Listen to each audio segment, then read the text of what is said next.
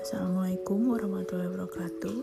Jurnal hari ini mengenai materi tentang kesiapsiagaan bela negara. Pada materi ini yang dibahas adalah mengenai kesiapsiagaan seorang CPNS dalam bela negara yang ditentukan dengan kesiapannya dalam menghadapi isu kontemporer yang ada di unit kerja. Pada materi ini, saya pribadi menjadi lebih jelas akan peran dan fungsi dalam unit tempat saya bekerja.